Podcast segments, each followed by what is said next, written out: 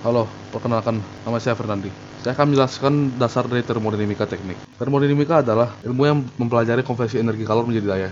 Dan energi adalah kemampuan untuk melakukan perubahan. Ada tiga hukum termodinamika. Yang pertama, hukum pertama termodinamika menyatakan bahwa energi tidak dapat diciptakan atau dimusnahkan, tapi dapat berubah bentuk dan lebih berfokus pada kuantitas dari energi tersebut. Hukum kedua termodinamika.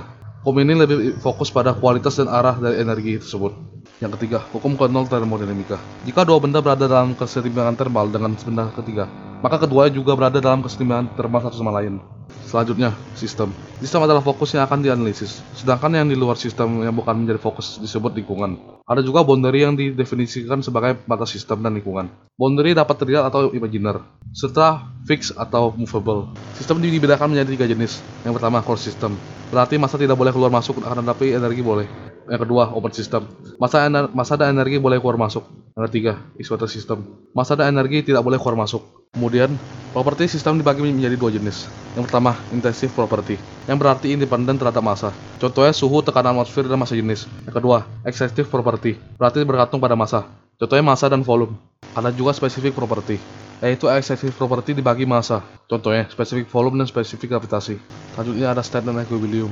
Pertama, state. State adalah suatu kondisi. Yang kedua, equilibrium. Equilibrium adalah keadaan setimbang. Ada empat cara untuk mendefinisikan state. Yang pertama, thermal equilibrium. Artinya sistem tidak, tidak boleh mengalami perubahan suhu. Kedua, mechanical equilibrium. Artinya sistem tidak boleh mengalami perubahan tekanan pada waktu. Ketiga, phase equilibrium. Artinya sistem tidak boleh berubah secara fase.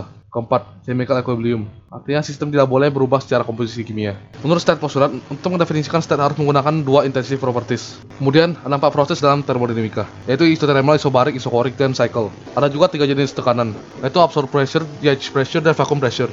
Selanjutnya energi, transfer energi, dan analisis energi umum. Bentuk energi terdiri dari dua jenis. Yang pertama, bentuk makroskopis, yang berarti dimiliki oleh suatu sistem secara keseluruhan sehubungan dengan beberapa kerangka acuan luar. Misalnya energi kinetik dan potensial.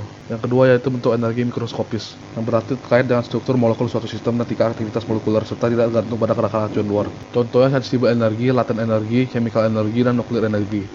Selanjutnya ada tiga jenis transfer energi. Pertama adalah Qi atau kalor, yang disebabkan oleh perbedaan temperatur adalah sistem dan lingkungan. Kedua, W atau usaha, yang bukan disebabkan oleh perbedaan temperatur, yaitu pegas, listrik, shaft, dan lainnya.